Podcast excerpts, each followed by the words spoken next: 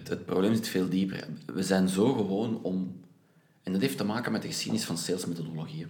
Als je gaat kijken naar de geschiedenis van sales, dan is dat eigenlijk begonnen met iets dat noemt solution selling. De klant heeft een probleem, weet exact wat het probleem is, gaat op zoek. En dat kun je vergelijken. Dus alle websites in de wereld, nu 90% van de websites zien er zo uit. Dit is wat wij doen. Wij doen dat zeer goed. Hier is een bewijs ervan, liefst een, een logo-referentie. En hier is, is dan ons product. En, eh, en dan nog ergens van onder eh, 36 velden voor de nieuwsbriefing te willen. Ja. Eh, wat dat dan niemand. Waarom zou je? Dus eigenlijk is dat altijd, heel, ze noemen dat eh, seller-centric. Gericht op jezelf. Ik ga scanderen, ik ga roepen wat ik doe. En eigenlijk werkt dat gewoon niet meer. De mensen hebben daar geen, en zoals helemaal in het begin gezegd, hebben daar geen waarde aan. Mensen willen iets bijleren, denken dat ze het zelf kunnen. Ze willen eigenlijk zien wie, wie, wie is een expert.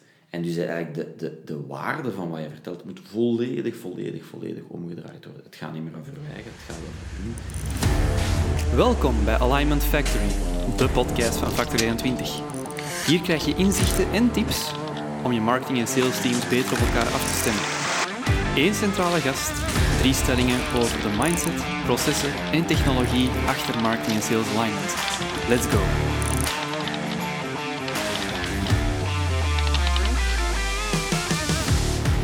Hallo allemaal, welkom bij Alignment Factory. Ik ben Stefan en ik heb vandaag voor de eerste aflevering een bijzonder inter- interessante gast bij. Nu, voordat we daarin vliegen, ehm, aan mijn rechterzijde hier heb ik Nico. Dag Nico. Ik ben blij dat we vandaag eh, Michael als eerste gast hebben. Dus Ja. eh, ik zei het. Ja.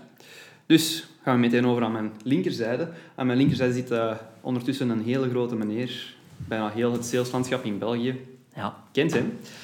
Keynote speaker, host van een YouTube-show, auteur van één, bijna twee boeken. Michael. Michael, Ja, noem hem hoe je wilt. Humblet, Humblé. Michael Humblé. De humble. Ehm, Toen, dat mijn, eh, toen dat ze bij mij afkwamen, de kinderen zeggen, ja, we hebben een coole naam voor u gevonden. De Hum. Ik zeg, nee, nee, alles, alles behalve dat. Michael, hoe is het met u? Goed, het is heel druk. Ja. Maar zo moet het. Ik heb liever iets te druk dan iets te kalm. En, en hoe drukker het wordt, hoe raar, dan begin ik heel snel van alles te doen. En ik geloof heilig in, in productie. Ik kan dat niet uitleggen. Ik wil dingen doen. Eh, Ik kom misschien te veel salesmensen in mijn beroep tegen die heel veel babbelen en die hebben een prachtige uitleg. En dan denk ik, oké, maar wat heb je nu gedaan? En ik geloof in de eerste stap zetten en beginnen lopen. En we zien wel waar dat het uitkomt. En soms mislukt dat dan wel eens. Maar die beweging is belangrijk. En ik geloof ook dat je zo wint. Als ik kijk naar de firma's die ik help, en die winnen, en die groeien, die schalen, grote investeringen op alles, altijd, die hebben altijd twee kenmerken. Die hebben er eigenlijk drie. Ik zal eens een geheim vertellen. Eén is altijd honger. Die hebben honger. Je voelt dat. Twee is productie. Dingen maken, naar buiten, ook al is het niet af, gewoon naar buiten. En drie, ik weet niet of ik dat mag zeggen eigenlijk, maar dat is niet met uw eigen geld, maar met subsidies en met geld van een andere groei. Mag ik dat zeggen hier tijdens dit podcast? Dat, doet misschien, mi- dat doet misschien minder zeer. Hè? Ja, dat- Ja. ja? Ja, En dat durf, nu- je misschien meer. Ja? Ik denk, je maakt, als het met je eigen geld is, maak je andere beslissingen. Je gaat iets te voorzichtig Veilig. zijn. Je Ja. gaat minder snel durven springen of zeggen, nu ga ik de gas in, in duwen. En een van de dingen dat ik gemerkt heb in, in mijn laatste jaren als ondernemer, als ik dat mag zeggen, is... Ik heb een paar keer echt zo... We deden een event en we zagen de vibe en we zagen op LinkedIn dat letterlijk ontploffen. En dan gedacht, oh, we zijn goed bezig. En achteruit geleund. En dan drie maanden later, kom, ah, we gaan dat nog eens doen. En dan was dat weg. En eigenlijk, als je op die piek zit, dan moet je die gas induwen. Ja, maar echt duwen. Duwen. Ja. Ik ben alvast heel blij dat we u hier mogen ontvangen voor eh, de eerste aflevering om de, om, eh, de speech af te bijten. Ehm, nu, misschien even voor de mensen die u niet kennen. Ehm, wie bent je? Wat doet je? Waar bent je terechtgekomen waar dat je vandaag staat? Heel kort uitgelegd, 25 jaar alle mogelijke salesrollen doorlopen. Van account manager, sales manager, sales director, vice president of sales, chief revenue officer. Head of global sales was mijn laatste bediende job. En mijn laatste jaar had ik 187 vluchten. En ik dacht, ja, ik ben nooit niet thuis. Sociaal leven, welk sociaal leven? Ja. En dan ben ik hier terug naar België gekomen en gezegd, ik ga iets terug doen. Ik vond dat ik dingen, ik nam sales, commissies, eh, deals doen. En ik vond, ik moet iets terug doen. Ik moet, ik moet dat balans herstellen. En dan ben ik start-ups beginnen helpen. En heel snel opgepikt door een aantal grote investeringsfondsen, VC's, die gezegd hebben, ah, ik heb daar geld in gestoken, Michael gaat eens helpen. En dan heb ik een hele andere wereld gezien, van, van, van die corporate wereld, waar alles heel politiek en eindeloos wordt gepalaverd en eigenlijk niks wordt gedaan, maar vooral slides gemaakt en heel diepzinnige dingen gezegd. Naar een wereld gekomen, die mannen hadden geen geld, ongelooflijke honger, er moest vooruit gaan. En daar heb ik echt de guerrilla-stijl geleerd. En dan dacht ik ineens, god verdikken, het is niet alleen sales, marketing geeft mij schaal. Hoe kan ik dat hier gaan doen? Daar is dan een personal brand uitgekomen, om de simpele reden dat ze mij niet geloofden. Zeg maar, ik ga het zelf doen. En dan is dat eigenlijk beginnen in alle richtingen ontploffen. Dan heb ik een boek geschreven, Nobody Knows You. Dan hebben mensen gezegd, maar kunnen, kunnen dat niet voor mij doen? Dan heb ik een firma opgestart waarin dat we dat doen. Dan heb ik een, een, een mee, ben ik mee aandeelhouder in een andere firma waarbij community. Dus ik zal het heel snel uitleggen. Je hebt Geomatic, dat is echt een content agency. Dan heb je Michael en Blij brand, is meer keynote sales. En dan heb ik ook een stuk, de mannen van U-Sites, waar ik een stuk mee doe, dat is echt sales community. Ja. En dan staan er zo nog een paar wilde plannen, maar dat is voor de volgende we er niet over. podcast. Eh, we moeten blijven. Ja. Ja, altijd bezig dus. Altijd bezig. eh, Nico, Michael, we zijn hier vandaag niet alleen om, om levensverhalen en, Ja. en de drukte van het leven te bespreken. We zijn hier vandaag specifiek om sales en marketing alignment te bespreken. Top. Ehm, dus, snelle vraag om mee te starten. Wat is in uw ogen vandaag het grootste probleem tussen sales en marketing? Wat is het, de grootste factor die voorkomt dat die samenwerken met Ja. elkaar? Ik was dan echt een hardcore salesmens. En ik lachte altijd met marketing. En ik was altijd boos. En zei, maar man, je moet mijn leads, MQL's genereren. hè, De fameuze marketing qualified leads. En de moment dat ik zelf begon, heb ik de eerste keer beseft, als een sales naar marketing kijkt, en die fundamenteel bij prospecten continu die pitch moet doen, en als hij of zij die pitch zelf gaat doen en in een marketingboodschap steekt, is dat honderd keer krachtiger. Waarom heb ik dat nooit gezien daarvoor? Waarom heb ik nooit ontdekt dat marketing de schaalbaarheid is van uw pitch? En, en eigenlijk, ik, ik heb dan een hele speech waarin dat ik eigenlijk zeg, als je gaat kijken, voor mij is marketing is dealing, eh, is dealing in attention. Het gaat over aandacht, alle technieken van aandacht. Sales is dealing in, in vertrouwen, in, in trust. En, en, en, en die mix vind ik ongelooflijk boeiend. En ik merk ook, alles wat ik doe, is, ik krijg door marketing tien keer meer schaalbaarheid. Dus ik probeer al die salesmannen, want ik geef heel veel training nog, te zeggen, mannetjes, leer alsjeblieft marketing, want je gaat verschieten wat een macht, wat een snelheid, wat een schaalbaarheid dat je hebt. En het is niet door altijd met je cold call te gaan doen. Ja, ja ik vind dat helemaal. Ehm, en, en wat ik interessant vind eh, in, uw, in uw verhaal, denk ik dat je de evolutie goed gezien. Ja. Waar dat eigenlijk, even gezegd 25 jaar geleden of zo, 25 jaar geleden als je start als sales, ehm, dat je merkt dat, dat de, het belang van marketing alleen maar groter wordt. Waar dat je in het begin als sales alles moest uitleggen, dus van het, heel het verhaal uitleggen tot mensen eh, begeleiden, vertrouwen opbouwen, is nu dat eerste stuk... Is, ik heb het gevoel dat dat eerste stuk Kijk, kijk ook naar de tools. Hè. Als je gaat kijken naar sales tools, ik weet dat dat een derde puntje is, Ja. maar als je gaat kijken naar de tools, dat zijn meer en meer marketing tools. Ja, ja, ja, Die, die, die sales wordt eigenlijk geschoven in een marketing tool. En ik zie ook degene die dat begint te beheersen, dat zijn de mannen of de vrouwen die die snelheid nemen. Hmm. Ja. Maar ik, ik, als ik training geef is het absoluut een must. Daar moet marketing bij zitten. Of ik begin er zelfs niet aan omdat alles wat ik uitleg is ook schaalbaarheid voor sales. En wat hebben ze nodig? Ze hebben design nodig, ze hebben websites nodig, landingspagina's, ze hebben funnels, ze hebben heel die techniek. Dus ik leg die uit. Ik, moet die samen in de zaal hebben, anders werkt dat gewoon niet. Nee. Ja. Misschien aansluitend merkte dat je, en dat vind ik dat, dat we nog veel tegenkomen, is dat, dat ehm, ik kan het niet bezig zeggen, dat marketing nog eh, de hulp is van het salesteam. Hè. We, Ja. we hebben brochures nodig, we hebben De, flyers de nodig. budgetten zitten meestal Eh, bij sales. Maak, Ja. maak eens Hè? een poster. We, we hebben, we hebben Ja. een beurstand nodig, kunnen dat eens voor ons regelen. Ja. En dat, die, dat dat volgens mij nog ook een, groot, eh, ja, een grote mismatch is om, om gewoon de juiste dingen te doen.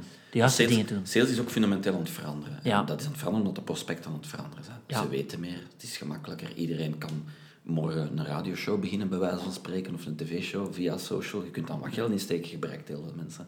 En wat ga je gaan zien is dat, dat eigenlijk komt het neer op dat de waarde van een prospect is veranderd. En dat is wat dat traditionele sales niet altijd begrijpt. Dus ze komen binnen en ze gaan roepen over hun producten en diensten en ze zijn maar bezig en bezig, maar dat werkt zo niet meer. Dus de prospect, wat dat hij wil, is iemand die hem helpt of iemand die echt waarde biedt. En daar moet op inspelen. En, en dat is begonnen bij de marketeers, à la Gary Vee en die gasten. Ja, ja, zijn dan mee de goeroes eigenlijk, zijn daarmee begonnen. En je ziet dat nu heel schoon doorcijpelen in sales, waarbij de salesmannen die, of vrouwen die een soort personal brand-achtig iets beginnen bouwen, gebaseerd op hun expertise, die beginnen te winnen. Maar ik zie dat firma's daar moeite mee hebben en ze kijken ernaar en zeggen, maar wat, wat- hoe moeten we daar nu mee omgaan? Het is een heel boeiende evolutie. Ik vind het ook. Ja, inderdaad. Dus, dus eigenlijk komt het erop neer, sales moet beginnen doorhebben dat marketing een superbelangrijke rol speelt in, in wat zij doen om Ja. inderdaad snelheid te maken. En om te Ehm, winnen in de toekomst. Ja, inderdaad. Ah, ik bedoel- Het Ik, ik, ik ga er heel even op in, want ik ben nu bezig met een nieuw verhaal. Dat is vrij Ja. nieuw dat je gaat horen. Als je, als je gaat kijken naar hoe krijg je nieuwe klanten, heb je maar een aantal mogelijkheden. Ehm, en eigenlijk kun je dat in een soort piramide steken, waarbij dat typisch sales gaat denken aan cold. Wat cold calling, mailing, maakt niet uit. Social selling, hè. dat is te groot woord. By the way, there is no selling in social selling. Mensen snappen dat niet, maar Nee. zo werkt dat niet. En, en dan heb je natuurlijk de beurzen en de events, en dan heb je eh, paid eh, ads, en dan heb je bestaande klanten dat je referrals aan kunt vragen, en dan eindig je eigenlijk met content. En wat zie je dat die piramide eigenlijk, ze zetten het grootste gewicht, is eigenlijk een piramide die staat, waarbij dat cold altijd van boven gaat staan. Maar dat is niet efficiënt. Ja. En dat is ook, die, die, die content is ook het enige dat zichzelf trekt. En om deftig sales te doen, heb je content nodig. Dus we moeten die piramide letterlijk omdraaien. Ja. Maar om dat uit te leggen... Ja, al die marketeers die zeggen, eindelijk zegt er die iemand, maar die salesmannen zijn, of vrouwen zijn niet altijd mee. Hè. Dus, Ja, ja. Oké.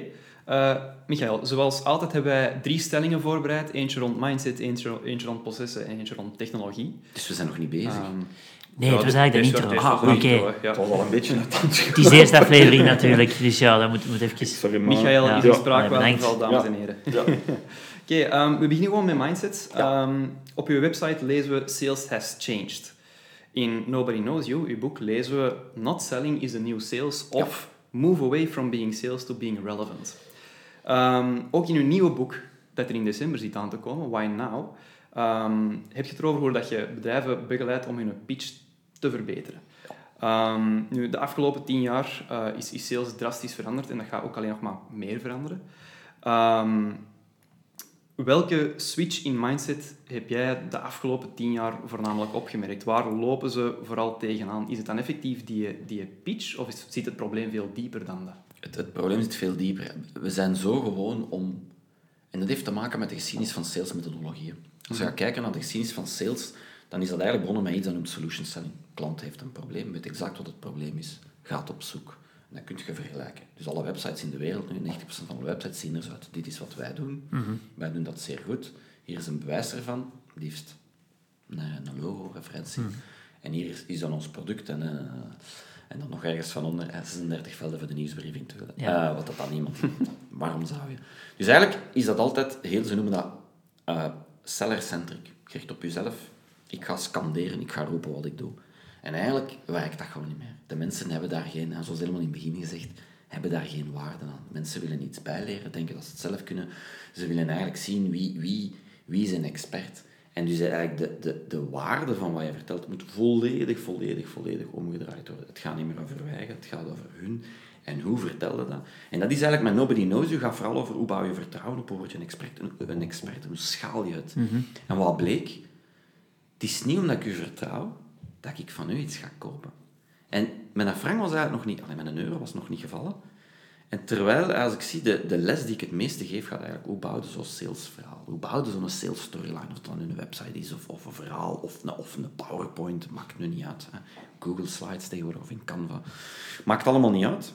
Ehm, en eigenlijk, ik zal er heel snel uitleggen hoe dat het eigenlijk de samenvatting is. Eigenlijk begint je met het probleem. Dat probleem moet je visueel proberen groter te maken, zodanig dat iemand denkt, ai, ik moet nu iets doen. Dan pas zegt je, ik besta of wij bestaan om dat probleem op te lossen. Maar in context van de klant. Want iedereen zegt, ja, want wij hebben een firma met 30 mensen en wij doen... Ja, wij, Nee, wij, wij. Wij zorgen ervoor zodat uw mensen beter kunnen. Ja. Dat is letterlijk een andere taal. En ik zit dus gisteren ook, 15 salesmensen, voor mij, het waren er 15. Hè. En ik leg dat zeg alleen maar, probeer dat nu eens. En die moeite dat die daarmee hadden. Dat is ongelooflijk. Probeer te praten vanuit hun standpunt. Ik zeg, je bent niet relevant.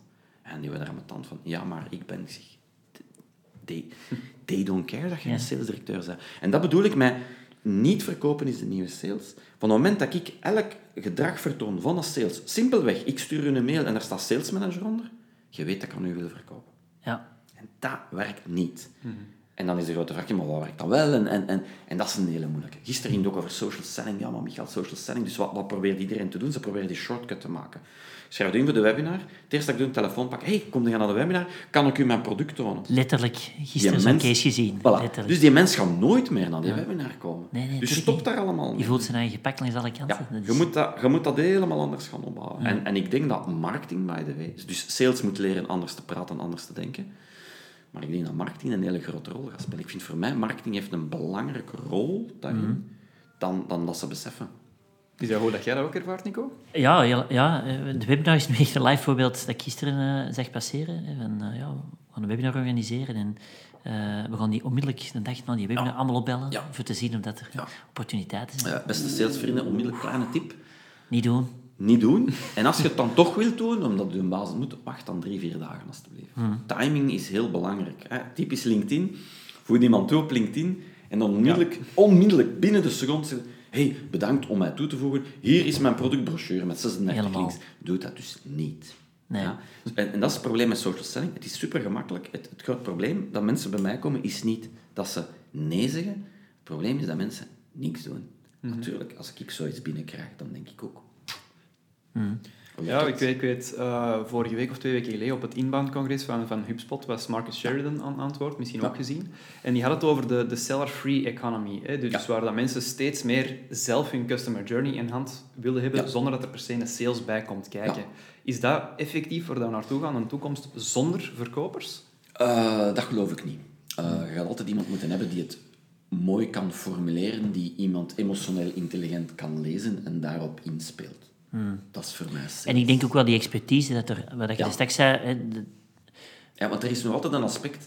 Ik kom heel veel sales tegen die goed zijn, ja, maar die hebben meestal moeite met... Het zijn goede babbelaars en die zijn vlot en zo, maar wat hebben ze moeite met closen? Hè? Dat is zo het grootste moeilijkheid. Ja. Closen is iets ongelooflijk simpel. Je moet durven zeggen, op een bepaald punt, niet in het begin, maar na een aantal stappen, moeten durven zeggen, wat gaan we doen? Gaan we het doen? Closen is heel eenvoudig, is het durven uitspreken. En, en dat zijn heel veel mensen dat niet kunnen. En dat is wel sales. Zeker naar de grote bedragen. Dat moet al durven zeggen, met een stalen gezicht is 3 miljoen en half per jaar. Ja. En dan zwijgen. Je moet eens doen. Dat, dat, dat, er zijn er niet veel dat ik dat ken die dat met een stalen gezicht prachtig kunnen doen. nee. Maar zo werkt het wel. Ja. Ja, dat is waar. Ehm, ik wil misschien nog even inpikken op eh, wat je straks zei van eh, eh, die mindset rond sales. Wat ik nog heel hard merk is de, eh, misschien het geduld of vooral de, de, transparantie. Dat vind ik nog wel een heel moeilijke. Dat merk ik wel vaak. Ehm, en dan heb ik het over wat we digitaal doen. Ehm, hoe open ben ik in de diensten of producten die we, die we aanbieden? Met andere woorden, ik ga een voorbeeld geven. We zijn voor een paar klanten eh, websites aan, aan het herbouwen. En in die discussie zitten we met sales teams samen. En het eerste wat zij zeggen, ja, maar wacht, de website moet eigenlijk gewoon een teaser zijn. Ja. Maar we gaan vooral zo weinig mogelijk zeggen. Als ze echt interesse tonen, dan, dan moeten ze maar contact opnemen en dan pakt het sales team alles over. Ja. Ik, eh, drie jaar geleden kreeg ik telefoon Ja. van de CEO van een heel groot printerbedrijf Ja. in België. Daar staan twee letters in. Ja? Ik kan niet zeggen welke. Nee, nee, Het is maar met twee letters. Nee, nee. Ehm, en die vroeg aan mij... Michael, ik wil dat jij een sales training geeft. Zodanig dat een sales kan binnengaan. Met zijn kaas, letterlijk. En die stelt drie vragen. En de klant zegt iets, of de prospect zegt iets. En die haalt zijn brochure boven het juiste product. En ik heb gezegd, ik kan dat niet doen, want dit werkt niet meer. Ik heb het ook niet gedaan.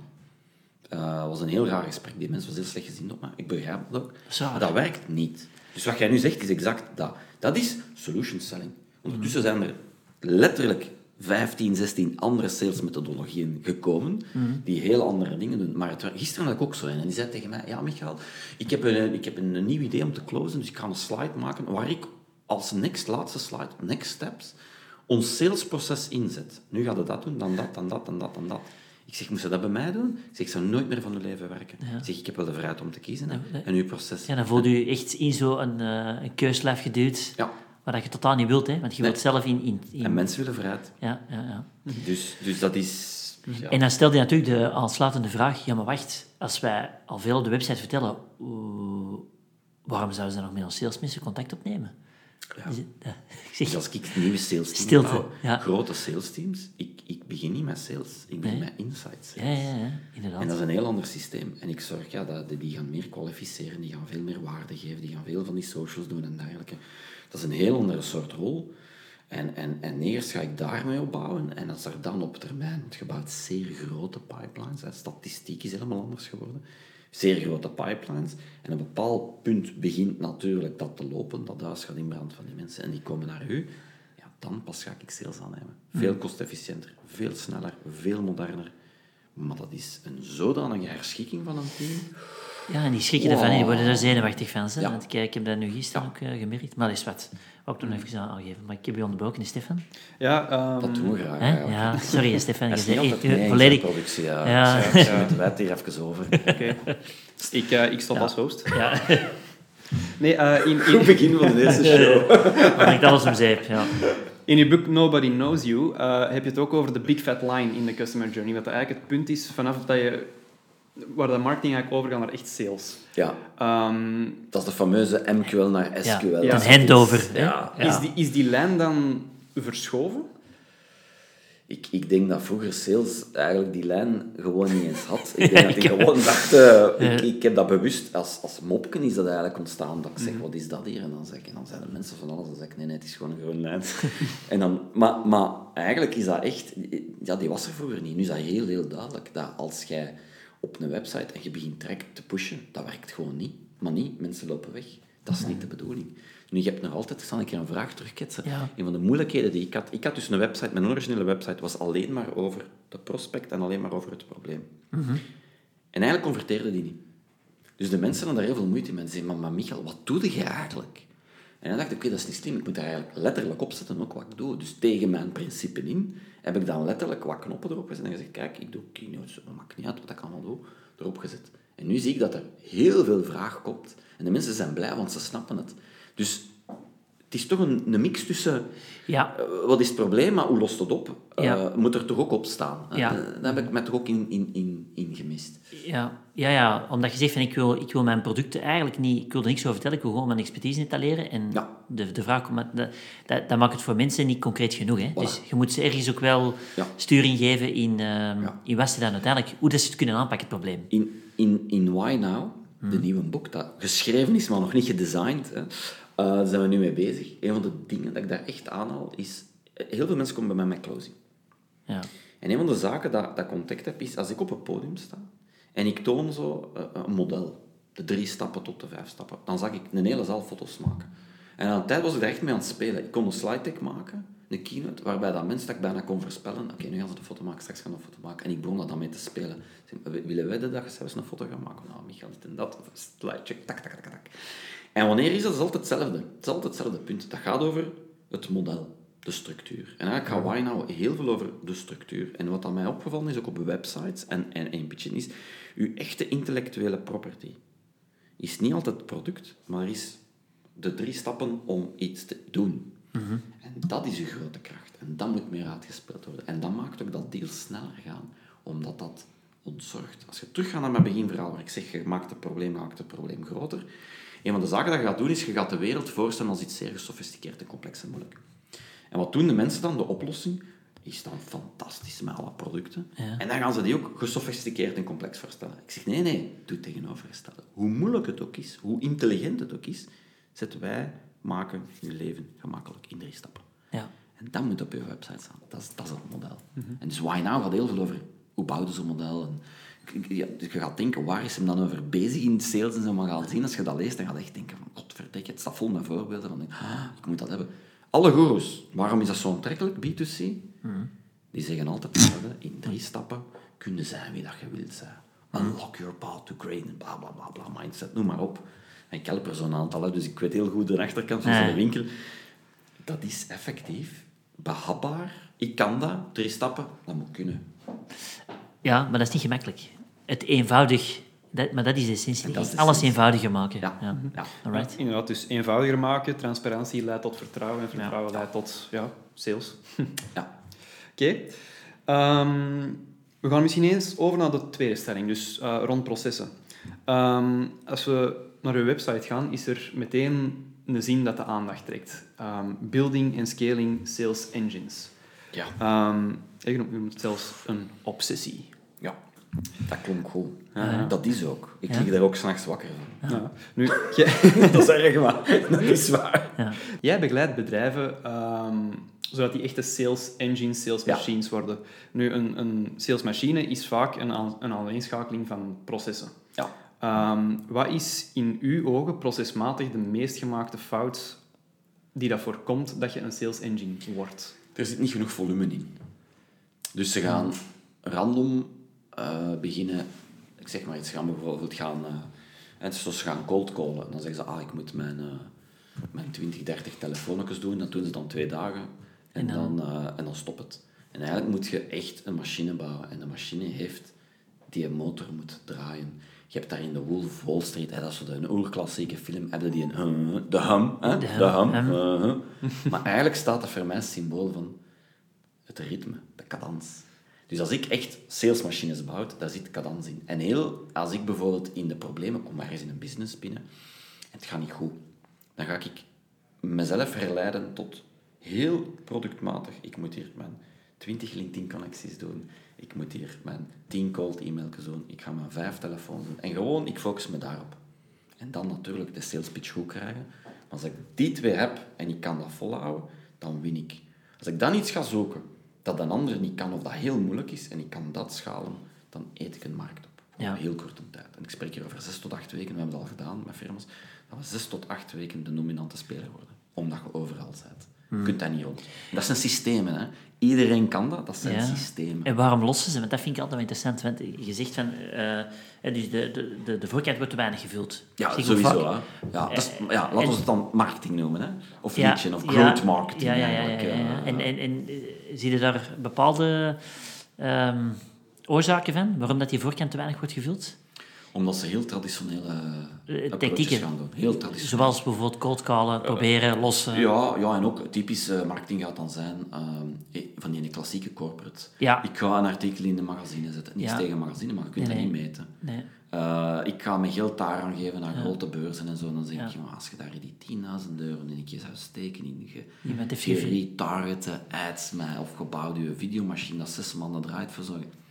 Je wint. Ja, dat zie je heel veel. Hè. Bedrijven die, die tienduizenden euro spenderen aan beurzen om dan uiteindelijk een heel dure stand te hebben waar dat bestaande klanten En koffie hoe, komen Hoe drinken. gaat dat? Bestaande koffie. En dan staat er twee gasten, meestal gasten, aan zo'n staantafel Ja. te zuchten, te kijken. Ja, dat nodigt mij uit om te gaan. Dus Ja. ik, ik, ik, ik geloof in beurzen als het echt gericht is op experience. Dat werkt spectaculair. Dat maakt iets mee en, en dat is heel tof. Maar zo de klassieke beurs met een beurstand, no way. Ja, want regelmatig wordt, hè, als je dan door de gangen bent aan het lopen, dan word je ook aangesproken en, en kom, niemand houdt ervan. En dan gaan we terug naar, Ja. dat, dan gaan we terug naar not selling is in uw sales. Hè. Je, je, je loopt weg als je, als je, zeg, als je iemand... Oh, wel, of als je dat als klant een winkel binnenkoopt en je ziet al een verkoper recht Ja. staan. Maar dat is misschien ook iets typisch mannelijk. Ja. Aan mij moeten ze ook, ik zal ook nooit de weg vragen. Als ze zeggen, ook in de tijd voor de GPS, dat was ook een 100%. rand. Ja. Hè? En mijn vrouw, het eerste wat hij doet, is iedereen vastklampen. Ja, En jij vier, je zegt nee, nee, nee, ik kan dat Nee. zelf in. Een kaart En bovenaan. dat is dan wel goed, want dan komt je uit de winkel. En je komt Ja. van links, stapt de winkel in, dan komt je uit de winkel. En je vrouw stapt dan los direct terug de verkeerde kant op. Maar ik zie ze graag, hè. By the way. Wat dat wij eh, procesmatig ook wel zien, en dat is ook een klassieker, sales haat administratie. ja, maar dat is heel logisch te verklaren. Ik heb daar heel lang over nagedacht. Ik ben ook zo een. Ja. Ehm, ik heb daar heel lang over nagedacht. Hoe komt dat eigenlijk? Dat is een patroon dat ook- Iedereen klaagt tegen mij over niet ingevulde CRM-systemen. Ja. Dat komt omdat wij nemen sales aan. Dat zijn mensen die fundamenteel sociaal zeer vaardig zijn. Die nu al gemakkelijk ja op de dingen zeggen. En wat doen die eigenlijk? Die overcompenseren hun chaotische niet-structuur door heel sociaal het goed te kunnen uitleggen. Dus die hebben dat niet nodig. Dus die worden daar ineens in een, in een salesjob geduwd, in een keurslijf, waarbij dat heeft, nu moet ik hier alles gaan invullen en doen. Dat geeft die geen rust. Nee. Praten geeft die rust. En, en als ik salesteams echt ga bouwen en ga construeren, ga ik dat ook zo opzetten dat, dat de sales dat ook niet te veel moeten doen. Want die worden daar ongelukkig van. Dat moet gebeuren. Maar ik moet daar echt over nadenken. Of, allee, ik, heb, ik heb zo tien jaar zelf CRM beginnen invullen en ah, ik, ik kreeg dat nooit niet gefixt, omdat ik dat verkeerd had opgevat. Nu, Software gaat straks, ik weet, uw derde stelling gaat over tools gaan. Software en dergelijke systemen zijn ook altijd wat beter en beter aan het worden. En ik vind ook fundamenteel, als dat niet echt goed wordt ingevuld, wil het ook zeggen dat uw software soms gewoon niet goed is opgezet. Of gewoon niet goed is. Ja, dat merken wij vaak. Dat inderdaad verschil, denk ik. Het is, het is Ja. een gulden middenweg zoeken naar eh, welke kennis heb ik nodig vanuit de administratie. Maar wat geeft de sales ook zo weinig mogelijk En wat werk? kan die? En waarom tegenwoordig, als je naar salessystemen gaat kijken, je hebt zo'n intelligente systemen met sentiment analysis en gevoel, dat is gewoon Dat is waanzin. hè. waanzin aan het worden. Hè? Ja. Dus ik vind dat fantastisch om maar dus straks... wacht, Maar spielerij, zijn dat is hier maar weer- spielerij, zijn dat hier is- weer zijn, zijn, zijn, zijn modellen naar botten aan het. Ja, Ah, ja. Maar stel uw vraag, kom, we gaan luisteren. Oké, technologie, here we go. Ehm, we zien zelfs vandaag nog dat er hopen, handenvol bedrijven zijn die hun eh, contacten, hun deals opvolgen in spreadsheets. Ja. Ehm, naar onze mening is, is technologie onmisbaar in het bouwen en schalen van Sales Engine. En Excel is geen technologie, voor de duidelijkheid. Ja. Ehm, hoe, hoe zie jij dat? Wat is uw mening over technologie? Wat is eigenlijk de bare minimum Kan, dat je ik kan nodig even hebt? direct terugketsen naar u. Ja. Ehm, vind jij Mhm. dat je je sales tool, en dat noemt dan een CRM, ja. moet dat ook een marketing tool zijn? Of Ik, ik, ik, vind, ik vind, maar dat is mijn mening erover, ik vind van wel. Ja. Omdat, ehm, ik vind eigenlijk dat het andersom moet werken. Ik, ik vind dat een marketing tool moet zijn ehm, die de sales teams gebruiken om informatie te vergaren om het gesprek op de juiste manier in te zetten. Dus ik zou het eigenlijk ik zou het omdraaien. Ik vind de marketing tool heeft meer data Ja. dan de sales tool. Ja, Dus ja, inderdaad. Het klopt niet. Nee. En je ziet ook de grote groei nu, de HubSpots van de wereld, die eigenlijk komen vanuit de marketing.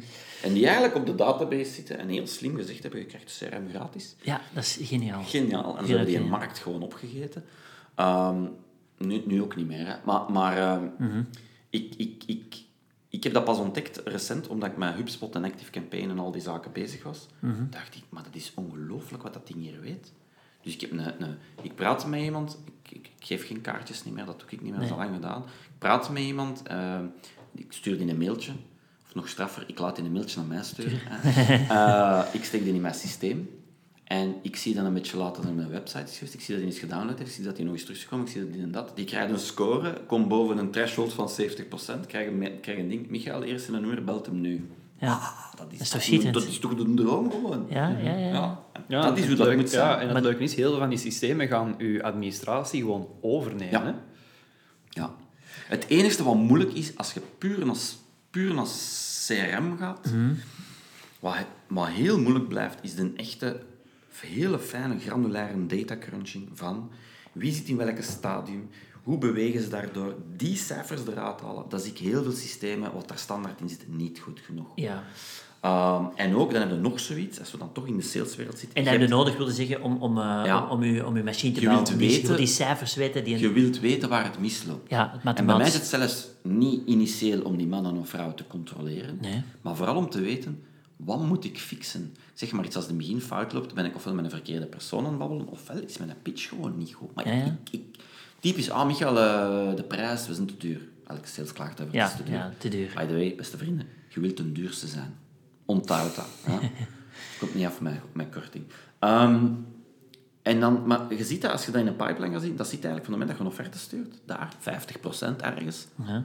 Als je daar veel begint te verliezen, ja, dan pas weet dat prijs is. Maar dat is niet in het begin. Hè. Goeiedag, ken u niet, wat kost het? Ah, zoveel? Ah ja, dat moet al niet meer. Sorry, maar dat is kwalificatie. heeft niks te maken met of dat je duur zit of niet. Nee, Ja. nee. Dus, dus, wacht, maar ik heb mijn zin niet afgemaakt. Ja. Dus een van de zaken dat ik nog altijd heel moeilijk vind, en daarvoor ga ik helaas naar een copy-paste doen, in een Excel of zo, omdat ik het nog altijd niet echt goed ge- geneeld krijg, dat is een echte forecast.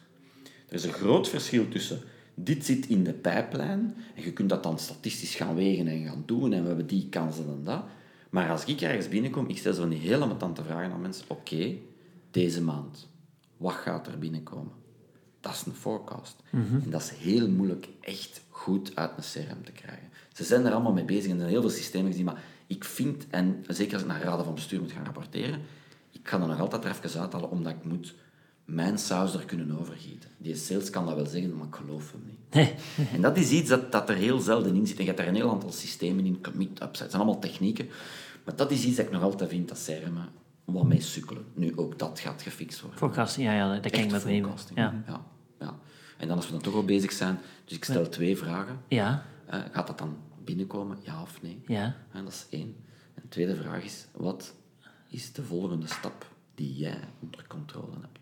Ah, ja, meeste ja, sales bij- zeggen dan... bij deze. Ik zet dat letterlijk dus in het tabelletje, dat is heel eenvoudig. dan ja. letterlijk next step. En als er dan staat, ah, ik ben, het is altijd hetzelfde, ik moet wachten op een telefoon of dit of deze of hetgene, dat heb je niet in hand. Wat ga jij doen? Ja, maar Michael, wat moet ik doen? Ah, now we're talking. Ja, ja. Eh, en dan ook soms de hoofdvraag, vandaar de titel van de volgende boek. Waarom zou ze dat nu moeten kopen? En als ze dat niet weten, dan heb je geen deal. Dat is waar. Dat is waar. En dat denk ik dat ze vaak niet, eh, niet lang genoeg bij... Ik kan me inbeelden dat ze daar niet lang genoeg bij blijven stilstaan. Nee, ook Nee. soms ga je mee in, die, in die, de rabbit hole. hè. Je gaat mee en je krijgt telefoon en je bent maar bezig. En, en je vergeet soms zo de basis. Maar hebben ze dat nu eigenlijk wel nodig? Hè? En wa- waarom zouden ze dat nu doen? En dat is iets dat ik heel graag op inga. En dan zeg ik, ja, eigenlijk weten we het niet. Ja, dan krijg je van die forecasts die beginnen schaven. En dan krijg je de fameuze sales die elke sales meeting elke maand dezelfde deal bovenhaalt. Ja, ja. En ik haal die daar dus na drie, vier maanden, als ik dit er gewoon uit. Oké, In de mocht, mocht er niet meer over praten, nee. Nee. De nurture cue. Ja. Daar moet je niet meer over praten. En over iets anders praten. En dan word je helemaal in paniek. Want ja, je vast is weg. En wat ik dan doe, zo de typische deal die blijft plakken. Meestal is er ergens iets in die deal dat, dat niet klopt. Dus dat wil zeggen, zeg maar iets de mensen dat je mee praat, die hebben niet de macht om het door te duwen, budget te schuiven, maakt niet uit. Wat ik dan ga doen, is het enige dat je kunt doen, is honger creëren. Dus ik ga die een nieuwsbrief sturen, of, en nee, je kunt dus een nieuwsbrief sturen naar ene mensen. De mensen zitten daar helemaal niet. Ik ga die communicatie sturen, te pas en te onpas ga ik daar iets droppen, en dat is vooral het gevoel van, je zit achter. Ja, je We zit hebben dingen net een grote deal gewonnen met de die. Het is toevallig hun probleem. En die zijn nu al zoveel procent gegroeid. Je bent achter. Je zit iets aan het missen. Iemand anders is de markt aan het opeten. Time to move. Dat is de Ja. communicatie dat die van mij krijgen. En dat is heel gericht. En je gaat zien, dat dat bepaald punt moeten die handelen. Het gevoel dat ze te veel missen. En als je nu kijkt naar eh, heel die, de, het opzetten van zoiets, wat is iets... eh, je, je ziet verschillende CRM-systemen. Wat is de minimum dat je nodig hebt om maar iets te kunnen vertellen over hoe dat ze bezig zijn op salesniveau? Is Ja. dat gewoon een, een eenvoudige pipeline? Ja, je hebt eigenlijk, eigenlijk wat je nodig hebt, is, is een heel eenvoudige pipeline met een aantal basisstappen. Ja. Eh, dat zijn er eigenlijk... De eerste is, ik noem het dan, ik noem het dan qualified. Hè. En de volgende stap is dan, je gaat ermee, typisch B2B dit, hè. Ja, ja. Je gaat ermee babbelen, presentatie. En de volgende stap is dan, ik heb een offerte gestuurd. De volgende stap is dan de onderhandeling. Maar dan zit al, dat zit al in de forecast fase. En dan heb je natuurlijk de closing. Dat zijn eigenlijk de basisstappen. Dan maak je daar twee stapjes direct bij. Stapje 1 is de frigo. De frigo. De Ja. Ja. Ja. Of, of ze noemen dat rotten, dat al. En Pipedrive noemt dat rotten. Je hebt er heel veel namen voor, maar dat is eigenlijk als een deal drie, vier maanden, als dat te lang blijft hangen, dan schuiven die naar die een blok. En elke zes, zeven weken kijkt eens, hoe komt dat? Wat Ah, is ja? Kunnen we die iets sturen? En je doet er wel iets mee, ja, of niet? Ja, ja, Ah, ja, ja, dan moet, dat, Of je moet hem dan laten rotten? Nee. Nee, nee, nee, dus daar moet iets mee doen. Want De statistiek is dat je 25% van die deals terug kunt closen. Ah, serieus? Dus ik kwam in een firma binnen. Die gasten hadden, ik- dus ik kuis die pipeline op. Zeer pijnlijk proces, twee dagen. Wat blijkt? Ja, de investeerder, als hij zich bekijkt, dat is dus was zeer pijnlijk. 800.000 euro recurrent in die rotten gestoken. En we hebben er 25% terug kunnen doorduwen. Oeh. Met de juiste communicatie. En dat was dan voornamelijk, denk ik, het why now vooral. Dat was, we hebben die vooral dan zo beginnen sturen van, Ja. je zit achter. Allee, Ja. het is veel subtieler als dat, hè. Maar De honger. je zit achter. En De honger en. De, de why now. En, en eh, subtiel zo op eh, LinkedIn iets posten. Ja, dat is echt techniek. Dat is gewoon techniek. Dat kun je leren. Dat is kunst, dat is kunst. Ja, Dat is gewoon pure kunst, plezant. vind ik. Ja, Ja. ja. daar lig ik dan ook heel wakker van. Kunst en een hobby. Ja. Ja, want die LinkedIn die komt ook altijd boven. Ay, dat, je gaat waarschijnlijk nog een aantal gasten hebben van heel die LinkedIn, maar dat is zoiets heel eenvoudig wat dat mensen niet snappen. Dat is, je kijkt naar je prospecten, je voegt die toe, heel eenvoudig, connectie. Niks te wild, niet dat. zeggen, gewoon connectie. Een groot deel gaat dat doen. En dan gaan die mensen eigenlijk twee, drie weken, als jij iets post, dat te zien krijgen. Dus in plaats van die te sturen, bedenkt om te connecteren, wat totaal non-informatie is, en je weet dat al een sales is, is dat doe ik niet. Ik voeg die toe en dan post ik gedurende twee, drie weken iets over het probleem dat die mensen hebben, een oplossing. En ja, Daar mix- zit het aan bouwen, hè. Daar de zit mix tussen de connectie en dat, de content en die kijken, dat is magisch. Zo ben ik op heel korte tijd naar 25.000 connecties. Dat is gewoon, ja, dat, dat, dat, dat ontploft. Je moet natuurlijk wel iets zinnig te zeggen hebben ook. Maar dat leerde ook. Je Ja. eerste post trekken op niks. En na een tijd leert je van, ik moet dat hier een beetje beter. En in het begin was ik een hele brave... Ik had een blauw hemdje altijd aan. Ik was, en dan heb ik... Je ziet mij nu zitten met een pul van de legend. Maar ik bedoel, Ja. hoe, hoe meer dat ik mijn eigen ben, want zo loop ik thuis rond en ik steek van alles uit. Hoe meer dat ik mijn eigen ben, hoe natureller, hoe dichter bij de realiteit. Maar toch nog, als ik nu op het podium sta, denk ik soms van, zou ik niet gewoon een blauw hemdje aandoen en, en, en witte sneakers? En, en, en ik doe dat bewust niet, omdat ja, dat, is, dat werkt wel. Maar dat is moeilijk. Ja. Ja, zoals eh, Joe, Joe Polizzi Ja, doet altijd een, een, een oranje hemdje aan. Hè. ja. Een oranje Eh, hemdje. ja, een oranje hemdje. Die is er ene Ja. keer Ja. becomplimenteerd door geweest of zoiets. Van, oh, valt wel op. En sindsdien Ja. altijd. Ja. Maar ja, ik ben dan echt in de t-shirts beland. eh met Zwicht gewoon. Ik heb hier nu een t-shirt aan, ik zal hem straks kunnen fotograferen. Nee, Ah, ja. ik ken u niet. Ik vind dat wel grappig. en dus dan zijn mensen beginnen vragen van, ja, Michael, kunnen we zo'n t-shirts kopen? Dan heb ik zo, eh, om te lachen, om te zeggen, ja, hoe zou dat werken? Een merchandising winkelknop gezet. En dan heb ik dus elke week, ik weet niet hoeveel bestellingen, we allemaal zotte t-shirts. En dan denk ik, oh, dat is ook weer Ah, zo ja, ja, ja. volledig uit tand gelopen. Laat ons dat eens proberen. En dat is wel tof. Ja. ja. Ja. Ik zal nog straffer zeggen, mijn beste maat had ik een t-shirt gegeven, Ja. met Hou blij op in het groot. En hij gaat in Brussel ergens naar de winkel en er is iemand naar hem gekomen en die zegt... Wat is dat, jong? Kende jij, kende jij, kende jij Michael? Ah ja, dat is mijn beste maat. En zo heeft hij dan kunnen veel mensen... Ja, dat is eigenlijk wel grappig. Allee. Dus mannen voor deze show, wat moeten jullie doen? Ja, Merch- wij gaan een merchandise shop opzetten. wat Michael? Humble was hier. Ja. Goed. ehm, Heeft er nog, heeft er nog stellingen eigenlijk? Want... Ah, ik heb nog één afsluitende vraag. Ja, Ah, toch? ja, toch. Ja. Ja. Eh, we gaan even terug in de tijd. 25 jaar blijkbaar. Ik weet niet, Eh, willen we dat? Willen we dat? Ja, Ja. Ja, oké. toen ik nog eh, lang haar had. En, Lang haar? Stel Serieus? dat je lang haar was... Lang, lang haar was. Lang haar had. Lang haar had, 20 jaar was. En je mocht jezelf één tip geven dat u ging helpen om die sales engines Ja. veel beter te kunnen Twee bouwen. dingen. Eh, leer typen, blind. Oh, ongelooflijk een productiviteitstip. Ik heb dat dan ook mijn eigen, als ik begin 30 was, geleerd, gewoon via zo'n online dingetje. Dat, dat als ik nu zie hoe vlug dat ik een boek, hoe vlug, alles is nog altijd typen. Hè. Misschien binnen tien jaar gaat dat anders zijn, maar zolang dat, ik weet niet of dat je nog een keer je filmpje op YouTube hebt gezet in het Vlaams en dat proberen eruit te trekken. De tekst dat je eruit krijgt, dat is puur proza, waar daar niemand iets van begrijpt. Dus typen vind ik een ongelooflijke productiehack. Dat kan iedereen. Dus ik zijn mijn, mijn kinderen dan nu al aan het forceren, mannetjes. Je gaat mij later dankbaar zijn. Tweede, visueel leren storytellen. Ehm, ik heb pas echt PowerPoint geleerd als ik, pff, denk 8, 39 was. En ik heb dan pas eigenlijk de kracht ontdekt van wat dat is visueel om dat te doen. Ik vond dat ik goed was met PowerPoint, tot als ik echt de goeie heb gezien. Dus het design, het canva, het, het spelen met die visual, de manier hoe dat zo'n opbouw is, dat is zo belachelijk krachtig. Zeker als sales, je beseft dat niet, leert dat. En die why-naam en volgende moed, dat is eigenlijk straf, maar daar staat dus echt een heel hoofdstuk in over de kracht van een pijl en een stippenlijn en hoe dat, dat je dat moet schikken, met allemaal voorbeelden. En, en je kunt daar niet rond en je denkt, godverdikke. En dan heb ik soms een speech of een training en dan vraag ik na een maand, wat heb je nu onthouden? Michael, moet pijlen hebben en die pijl moet altijd omhoog gaan. Dus ja, oké, je, hebt, je hebt iets ja, het is iets. Het is, iets, het is een begin. Het is een begin. Ja, dus die twee vind ik Ja. eigenlijk de basis. En al de rest is gewoon beginnen, geen schrik hebben. Ja. ja, ik snap wel wat je bedoelt over dat visueel presenteren. Ja. Want Ja. al heel veel sales gezien zo met, met de klassieke bullets. En, en Ja. ja, daar luistert je op de duur niet meer Nee. naar. Hè. Die eerste vijf minuten misschien wel, maar dan... Ik heb een melding op LinkedIn, kan Ja. eens kijken.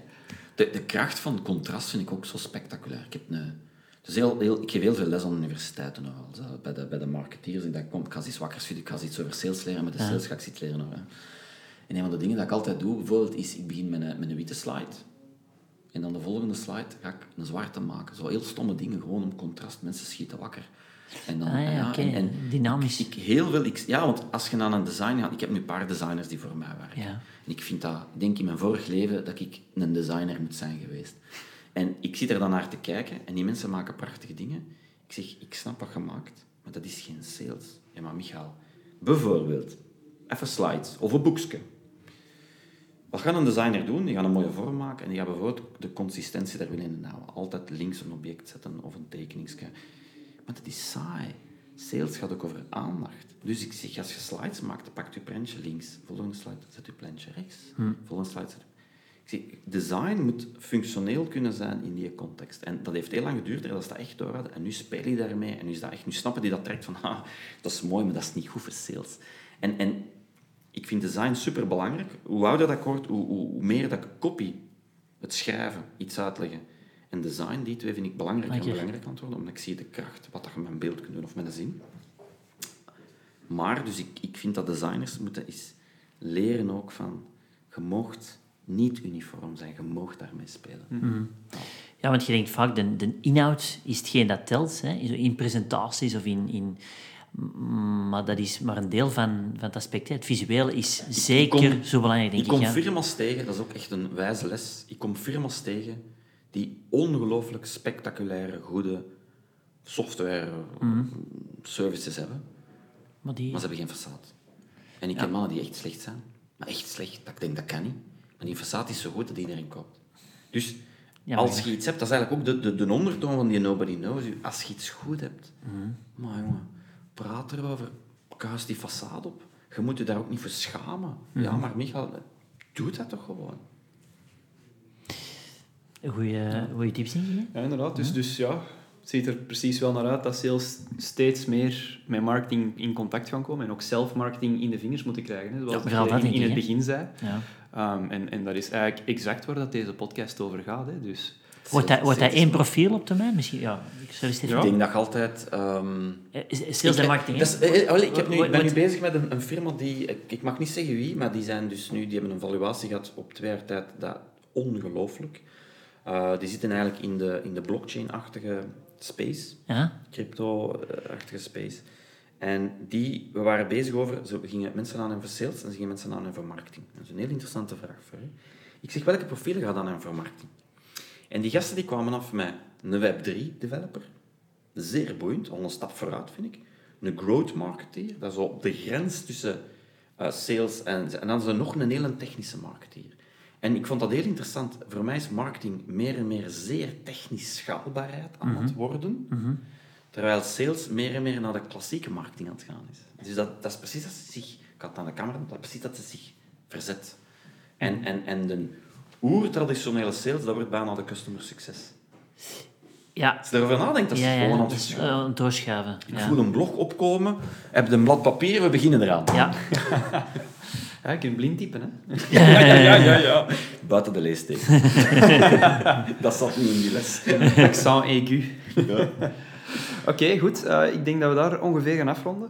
Eh, Michael, Michael, humblé, humblé. Het was heel fijn om je, te- om je hier te hebben vandaag. Ehm, ik denk dat we daar heel veel insights hebben uitgehaald. Ja, ik En, denk dat we ook ehm, heel hard zijn uitgekomen in deze aflevering. Ja. Ik had wel bang. Ja, het is, het is blijkbaar een legende. Hè. Het is Ja. een legende, dus het is allemaal ja. goed gelukt. Dus bedankt voor het kijken of luisteren en tot de volgende. Bye.